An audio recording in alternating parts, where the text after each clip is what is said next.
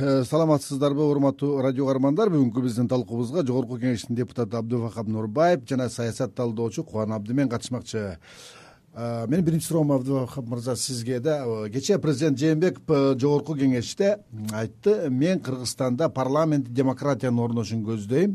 Кыргызстанда авторитаризмди орнотуунун потенциалдык мүмкүнчүлүгүн жоюш керек деп эсептейм деп билдирди. Мамлекет башчынын бул сөзүн жакынкы келечекте бир президенттин ыйгарым укуктары дагы кыскарып бийликтин эки тизгин бир чылбыры ушул жогорку кеңешке өтөт деп түшүнсөк болобу болот. Анткени буга чейин деле президенттин ыйгарым укуктары азайды. Акыркы э, конституциялык өзгөртүүлөр боюнча мыйзамдар боюнча. Анан негизи эле өзү биз ушу бизде эки революция ошол авторитаризм бийликтин негизинен болду да буга чейин. Бир үй бүлөнүн колуна тийип калып а эгер дүйнөлүк өнүккөн мамлекеттердин тарыхын карап көрсөк кайсы мамлекет ошо парламент демократия өткөн мамлекеттер сексен токсон пайыз ошо өнүгүп атат да. Анан бизде бирок биздин региондо биздин мамлекет ушул жолдо жалгыз кетип атабыз. Бизге кыйыныраак болуп атат. Азыр толтура кемчиликтер бар бирок негизи биз туура жолдо кетип атабыз. Анткени ушул жолу эгер бийлик бир адамдын колунда кандай адам болсо дагы ал баары бузулат экен дагы ошол жаман мыйзам бузуулар башыло берет экен. Эгер парламентте жүз жыйырма депутаттын контролунда болуп турса баланс болуп бири бирин контролган жакшы болот да тиги мамлекет башчысы айтып атпайбы авторитаризмдин орнотуунун потенциалдык мүмкүнчүлүктөрүн жоебуз деп атат да. Демек ушул убакка чейин потенциалдык мүмкүнчүлүк дегенди авторитаризм деген биз президенттик бийликти түшүнүп келебиз да. Ушул туурабы туура ошондой кээ бир ошондой ошондойэлементтерин көрдүк да өткөн неме бийликте делечи кийинки президенттин маалында эле эми ошого жол бербей ушуну толук ушуга киргизүүгө менин максатым деп айтты. Бул туура эмес деп ойлойм кубан мырза мына президент жээнбеков э, кыргыз коомунун кыртышына жана табиятына парламенттик демократия туура келет. Бул мамлекеттин туруктуу өнүгүп коомдун стабилдүүлүккө бекем орношуна негиз болот деп айтты да. Тилекке каршы мына кыргыз коомчулугунда бул позицияга карама каршы болгон деги эле партиялык парламенттик система тескерисинче туруксуздукка э, бейстабилдүүлүккө алып келди деп атат да. Сиздин пикириңиз кандай? Деги кыргызстанга кайсыл система туура келет кыргызстан э, илгертен берки келаткан улут кыргыз улуту болгондуктан бул э, эч жактан берки эле айтылып келген нерсе. Муну биринчи президент эмес мурдакы дагы бир президент айтып кеткен. Кыргызстанга демократия тоодон түшкөн депчи. Э, ошонун уланысы катары айтсак чынында кыргызстандын эли кыргыз коомчулугу авторитаризмге ыктабастан тескерисинче ошо демократиялык нукта өнүгө тургандай бир багытты жакшыраак өздөштүгүнгө э, жакын да. Ал эми автократия деген бул э, ошо э, совет мезгилине туш келген учурда көбүрөөк коомго сиңирип кеткендиктен катуу бийлик менен башкарабыз деген түшүнүк дагы эле коомчулуктун акылында турат да. Бул ментальный бир проблемага айланып баратат. Мындан айрылыш үчүн менимче азыркы кылынып аткан иштердин арасында ошо кыргызстандагы башка демократиялык өлкөлөрдөй эле бийлик бутактарынын ортосундагы балансты сактай тургандай бир э, шартты түзгөнгө аракет кылыш керек. Муну экс президент да айткан азыр дагы бул айтылып атат. Биз башкаруу ыкмасын башка бир унукта э, э, жүргүзгөнгө аракет кылышыбыз керек. Бирок аны ишке ашырыш үчүн бизде колдо бар механизмдерди колдоно тургандай бир гана жолу бар. Бул жогорку кеңештин ошо керектүү мыйзамдарды бир нукка сала тургандай даярдыгы керек болуп атат дейт да менин оюмча бул да абдан туура анткени э, кийинки айткан сөзүндө ошо жакынкы чыгып сүйлөгөн сөзүнүн аягында айтып атат бизде э, кийинки парламенттик шайлоо эки миң жыйырманчы жылы болот. Бирок ошо эки миң жыйырманчы жылкы шайлоого бир жыл калганда биз баардык мыйзамдарды баардык шарттарды баардыгына бирдей аткара тургандай деңгээлге чыгарышыбыз керек.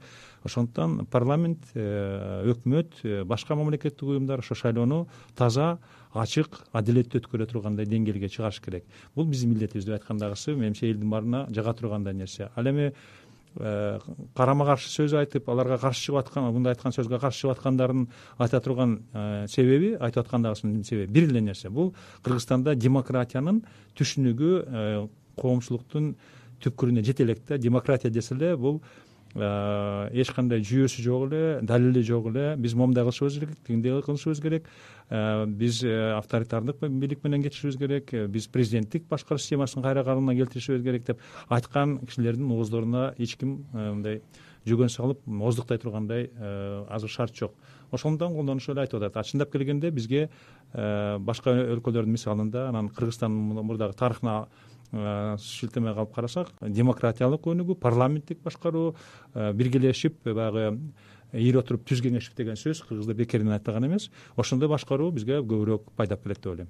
Мына биздин коомчулукта дагы бир бир ойлор пикирлер сунуштар айтылып атпайбы өзгөртүү киргизүү боюнча курултай институтун депчи да бүт бийлик бутактарын президентти баш кылып э, отчет алуу алардын жоопкерчилигин кароо маселесине келгенде э, парламент менен каякта мындай бир атаандашкан же болбосо бир э, система түзүлүп калбайбы деп атат да. Буга пикириңиз кандай? Бул система бул жаңы сунуш кылынып аткан система бул жаңы эмес чындап келгенде. Мурунтан эле мындай ишке ашырыла тургандай аракеттерди жүргүзгөн бир топ коомдук уюмдар белгилүү саясатчылар аракет кылып жүргөн нерсе. Бирок бул жерде э, мындай болуп атат да эгерде биз азыр сот системасын бутуна тургузуп э, жакшы бир реформа жүргүзүп ага ишене тургандай деңгээлге чыгара албай атсак ошо курултайга э, шайланган адамдарды ким шайлайт жана аларды ким көзөмөлдөйт деген суроо туулат да. Мунун баардыгы ошо кыргызстандагы иштеп аткан саясий системаны бир деңгээлде кармап турууга тескерисинче өзүнүн жолтоосун тийгизе тургандай бир деңгээлге чыгып кетиши мүмкүн да. Менимче бул туура эмес. Абдывахап мырза мына мамлекет башчысы кечеги сөзүндө айтты бул саясий реформаларга жогорку кеңеш өзү даяр болуш керек деген тезисти айтты да сиздин оюңузда азыркы депутаттардын саясий өзгөрүүлөргө мындай даярдыгы кандай ички позициясы моралдык жактан мындай э, аракети кандай өзүчө жогорку кеңеште деле ошондой күчтөр бар.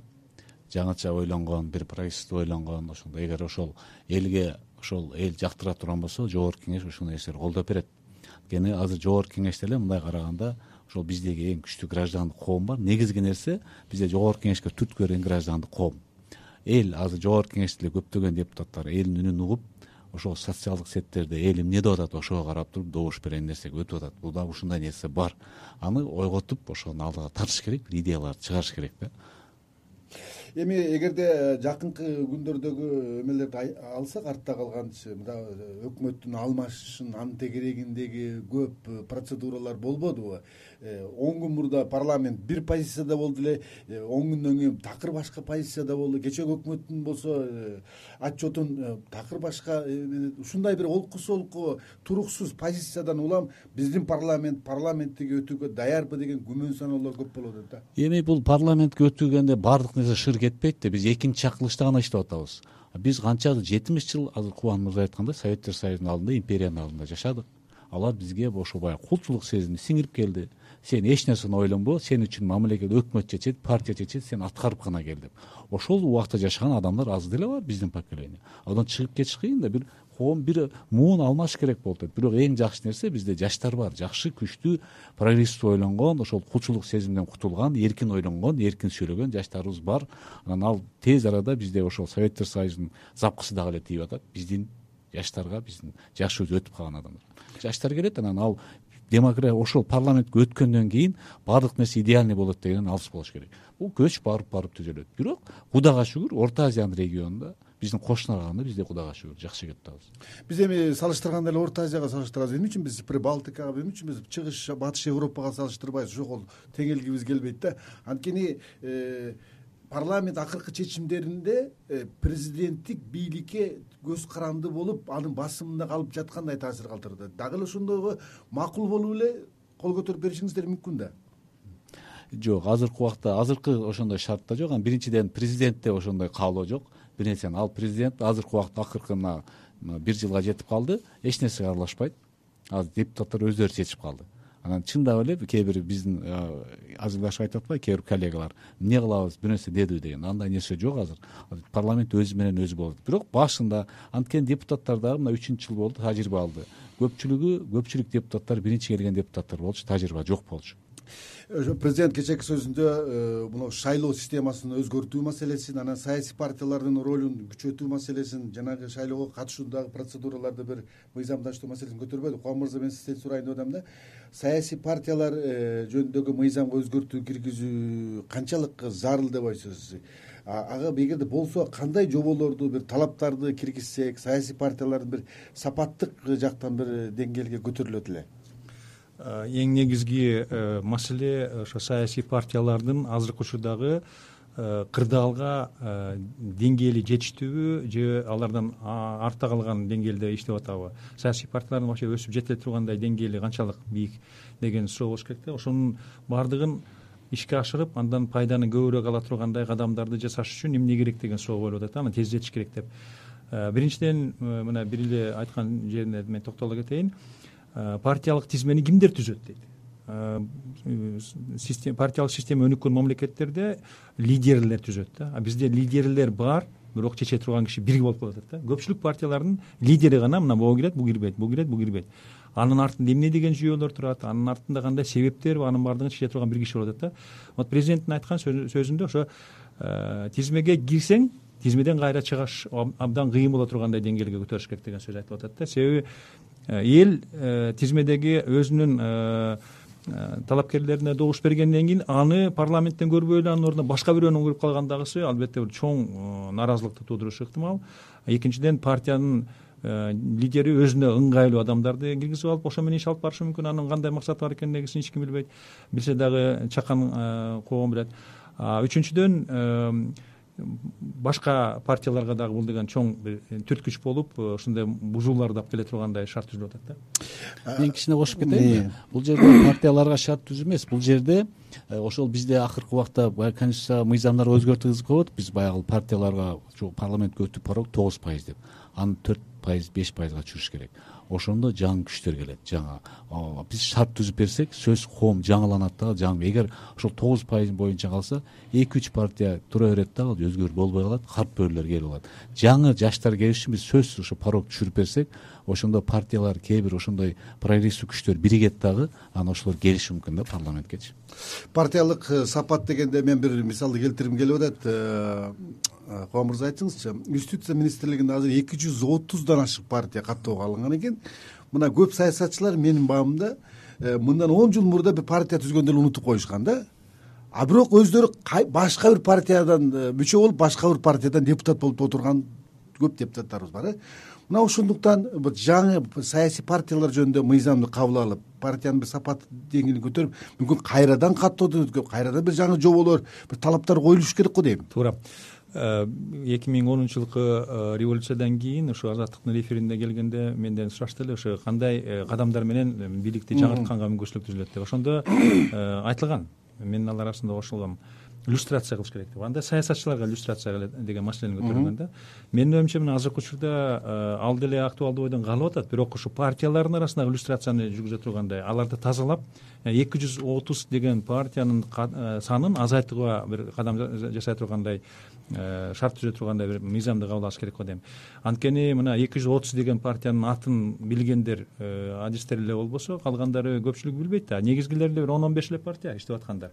Вот ошолорду реально иштей тургандай шарт түзүп элдерге жете тургандай э, алардын үнүн уга тургандай шартты ошо жаңы мыйзамдардын негизинде түзүп берсе анда партиялардын баардыгы өзү эле э, жаңылана тургандай. э, жаңы мүчөлөрдү алып бир жаш муунду жаңы ойду алып келе тургандай жаңы бир сунуштарды жарата тургандай жаңы генерация деп коет. Саясатчылардын агымын алып келе тургандай шарт түзүш керек деп ойлойм. Абдывахап мырза мына азыркы жогорку кеңеште партиялардын кызыкчылыгы э, тизме э, партиялардын кызыкчылыгында тизмеде эске алынып атпайбы ошол эле учурда коомчулукта бир тез пикир бар да бир сын пикир бар да. Аймактардын өкүлчүлүктөрү институту болбой калды депчи.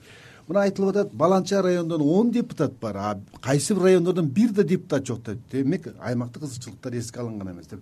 Ушундай таарынычтарды кантип жоебуз биз мыйзам чегиндечи? Эми ушу шайлоо боюнча мыйзамдарга өзгөртүүлөр ушулар эске алынабы азыр ошол шайлоо боюнча мыйзам жаңы долбоор каралып атат. Мирлан бакиров биздин коллегабыз чыгарып өткөндө коомдук талкуу болду ал жерде ошол көп кызыктуу жагдайлар бар жаңы нерселер. Бирок бул э, ошол э, регионго байланбаш керек да бул жерде бир партия бир э, региондон көп алып калса ошонун кызыкчылыгын колдобойт. Анткени ошондо эле ал башка региондон өзүнө баягындай терс пикир алып калышы мүмкүн. Ошон үчүн бул табигый жол менен болот баардык нерсе. Эми биз мына экинчи мен дагы айтып кетейин экинчи жолу гана болуп атабыз. Эки жүз алтымыш партия болсо боло берсин алар кимге тоскоолдук кылып атат? Эл өзү тандап алат керегин керек болсо биригет анан турсун ал эмне үчүн ага бир мыйзам кылып ага запрет кылыш керек? Ар бир адам каалайбы ача берсин бирок өтүш кыйын азыр шаардык кеңеште дагы порог бар. Ошон үчүн мен ойлойм бул табигый жол менен кетиш керек. Бирок бизде сабыр жок биз тез болушун каалайбыз да. Биз баардыгыбыз ошону каалап атабыз да. Билесизби биринчи саясий партияларда мыйзамда он киши чогулса партия түзүүгө укук берилген. Берсин кийин болсо да жүз киши чогулса эле укук берилди.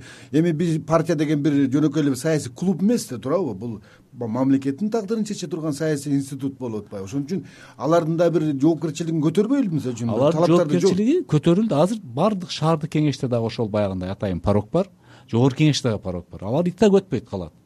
Баары бир биригет алар каалат бирок бул табигый процесс менен кетиш керек өзүнүн жолу менен мен кошумчалап коеюнчу бир нерсени бул жерде э, могу мыйзамдын э, жаңы мыйзам каралып атат деп айтылып атпайбы э, менимче бир нерсени эске алыш керек да. Мына азыркы шайлоо системасында биз пропорционалдык добуш берүү системасын иштеп ошо менен киргизип атабыз да.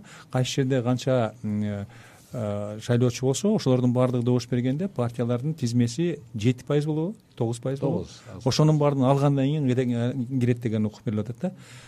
Мунун баардыгы тилекке каршы биз жалаң эле партия тууралуу айтып атабыз. Ал эми реформа кыла турганга келгенде бир топ өлкөлөрдүн мисалын алсак мажоритардык система менен да шайлай тургандай мүмкүнчүлүктү бериш керек экен да. Ошондо жана сен айтып аткан регионалдык кызыкчылыктарды коргой турган адамдарга парламентке кире тургандай мейли партия менен болсун мейли э, не э, тиги партийный э, тизме менен келсин. Ошондой мүмкүнчүлүктү бергенде менимче жана биз айтып аткан регионалдык аймактык кызыкчылыкты коргой турган депутаттар керек. Ушул маселеге моундай бир сунуш бар да урматтуу депутат сиздин пикириңизди уккум келип атат да. Мына партиялык тизмени аймактардын өкүлчүлүк институтунда бир мезгилде чечиш үчүн кыргызстандын аймагын округдарга бөлүп партиялар да өз өкүлдөрүн ошол аймактарга алып барса ошол аймактар көрсө бир партия бир округтан айталы бир он эки партия он эки өкүлчүлүгүн көрдү эл ошол эки айдын ичинде көрүп кайсы талапкерди кайсы партияны шайлай турганын эл өзү чечип алса. Болбосо э, партиялардын тизмесин партиянын лидери өзү чечип атпайбы андай болсо бир партия бир областтан алып төрт областтан албай калса ошол партия бир область үчүн иштеп калат да ал партия. Анда кандай болот? Жогорку кеңешке бир областтан бир партия өттү. Ал бирок төрт областтан өткөн жок да анда кандай болот? Бир областтын кызыкчылыгын колдоп калат да мундай оң терс бирок муну талкуулап коомго чыгарып кетиш керек бирок сөзсүз эки жагы бар да ар бир нерсенинчи кубан мырза сиздин пикириңизди уксак да э, ушул партиялардын жанагы э, шайлоолордо болгон жоопкерчилиги бар эмеспи анткени э, мына президент да кечээ сөзүндө айтыптыр да мына шайлоолордо болуп келаткан үгүт учурундагы адилеттүүлүккө кантип жетишебиз? Добуштарды сатып алуудан качан кутулабыз? Эсептөөдөгү бир ачык айкындуулук качан орнойт депчи?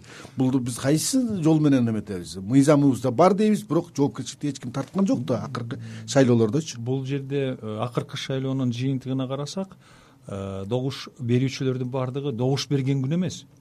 Ага чейин эле өзүнүн чечимин кайсы бир жол менен э, аныктап алгандыгы айтылды да. Э, президент ошону айтып атат. Биз шайлоонун күнүндө эмес ага чейинкилердин баардыгын бир жолго салышыбыз керек бир нукка киргизишибиз керек. Э, батыш өлкөлөрүндө бул деген өзүнчө ачык айкын жүрүп аткандагысын биз колдоно албай атабыз да.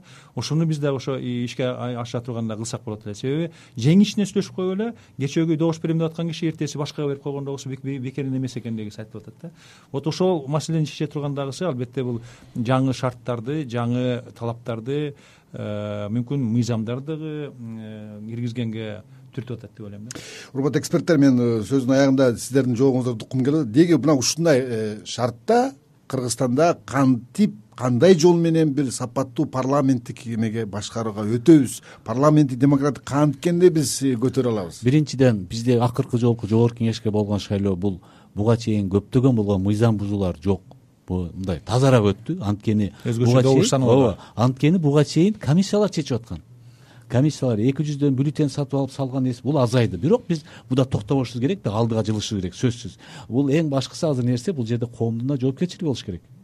Коом ошону эл ушу шайлап атат. Бул кечээки шайлоодо ар бир добуш адам өзүнүн добушун бере алып бир гана добуш берди. Ошондо жоопкерчилигин да караш керек да. Бул эки нерсе. Парламентке эл кандай болсо парламентте деле ошондой болот элдин да жоопкерчилиги болсо баягы акчага сатылбаса бирок бул нерсе азайып атат барган сайын. Бул мурун эки акыркы эки шайлоого мен катышып көрдүм экинчи шайлоодо азыраак болду. Менимче бул секин секин азаят. Анан бул жерде элдин турмуш деңгээли да эгер төмөн болсо кээде муктаж болсо бир үй бүлөндө үй бүлөсүндө беш адам болсо ошо беш миң сом же он миң сом болсо кээде ошого муктаж аргасыз болуп калат. Эгер элдин турмуш деңгээли көтөрүлүп биз кичи жана орто бизнести өнүктүрүп алсак баягы бизди орто класс көбөйсө анда бул нерсе жоюлат.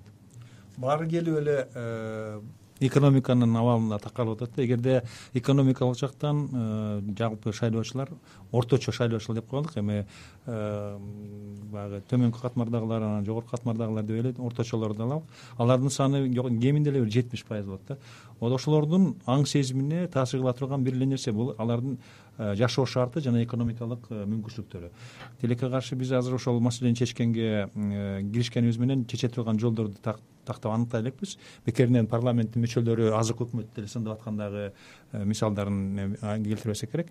Андыктан ошо экономикалык жактан биз бутуна тура тургандагы адамдарды тез аранын ичинде жакшы бир ири проектилерди ишке ашырып элдердин жашай турган мүмкүнчүлүгүн шартын оңдогонго аракет кылсак элдин аң сезими оңолот да. Ошондо анан шайлоого дагы туура мамиле кылганга жетишет.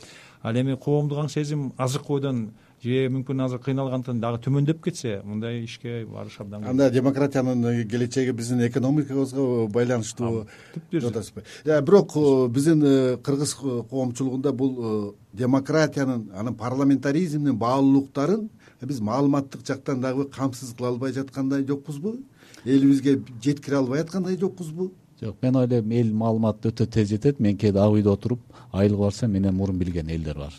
Бизден сурашат ушундай болуптур го депчи мисалы үчүнчү бизден мурун. Маалымат жактан бизде өтө жакшы сөз эркиндиги бизде бар буюрса анан элдер? Эмне үчүн анда бизде бул парламентте көңүл калуучулук бир мындай э, таарыныч өтө күчү да? Анткени парламент ачык да. Ар бир депутаттын сүйлөгөн сөзүн эл көрүп турат баскан турганын бирок бизде өкмөт жабык. Биз өкмөттү электрондук өкмөткө аткара албай атабыз өткөрө албай атабыз.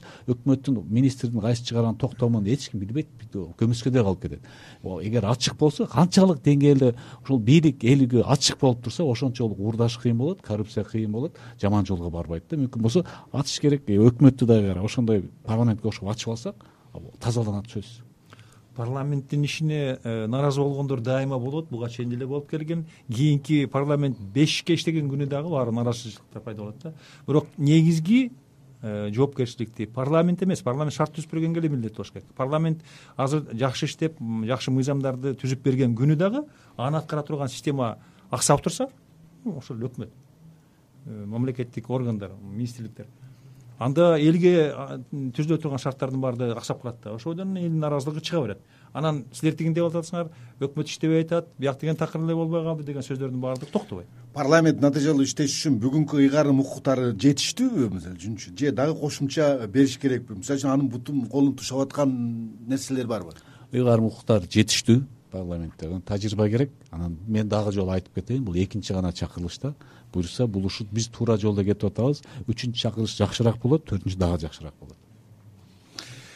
Рахмат урматтуу радио көрөрмандар бүгүн биз жогорку кеңештин парламенттин жана партиялык системада түзүлө турган келечектеги кыргызстандын жөнүндө кеп кылдык. Бүгүнкү биздин талкуубузга жогорку кеңештин депутаты абдывахап нурбаев жана саясат талдоочу кубан абдимен катышты. Берүүнү мен бакыт оронбеков алып бардым. Кайрадан эфир аркылуу жолукканча саламатта калыңыздар